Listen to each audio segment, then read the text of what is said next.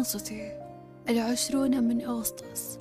شخصا ما منا كان محبا وكأنه في صباح الغد جنازتين.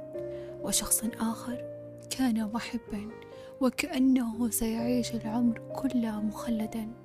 كان عطاء كالرماد بعد شعلة النار. أنت يا من كنت أعجز عن تنصيفها بمفردات الشدية أنت التي ركضت لأجلها. بأنامل الخمس على الورق. أنت لا شيء سوى شخصا عاديا.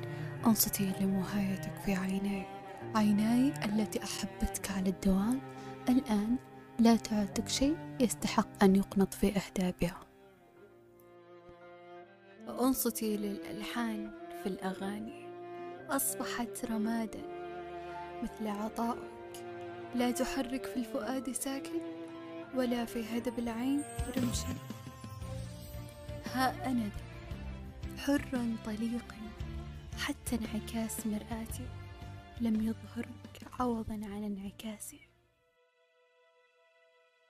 هذا الصباح أعلن انقسامي عنك وإن بؤرة فؤادي التي استبحت لك العيش بها باتت اليوم خالية منك بدلت جلدي وأقلامي وكل أوراق العاثرة.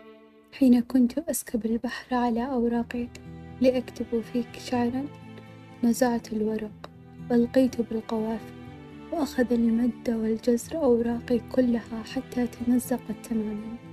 والآن هي محالا أن تكرر أو تعود مثل قصتنا يا حبيبتي. انظري لتبديل الأحوال من ثريا إلى جزء من الثرى. أصبحت أنا الآن شخصا آخر وذلك الآخر خالي منك. تماما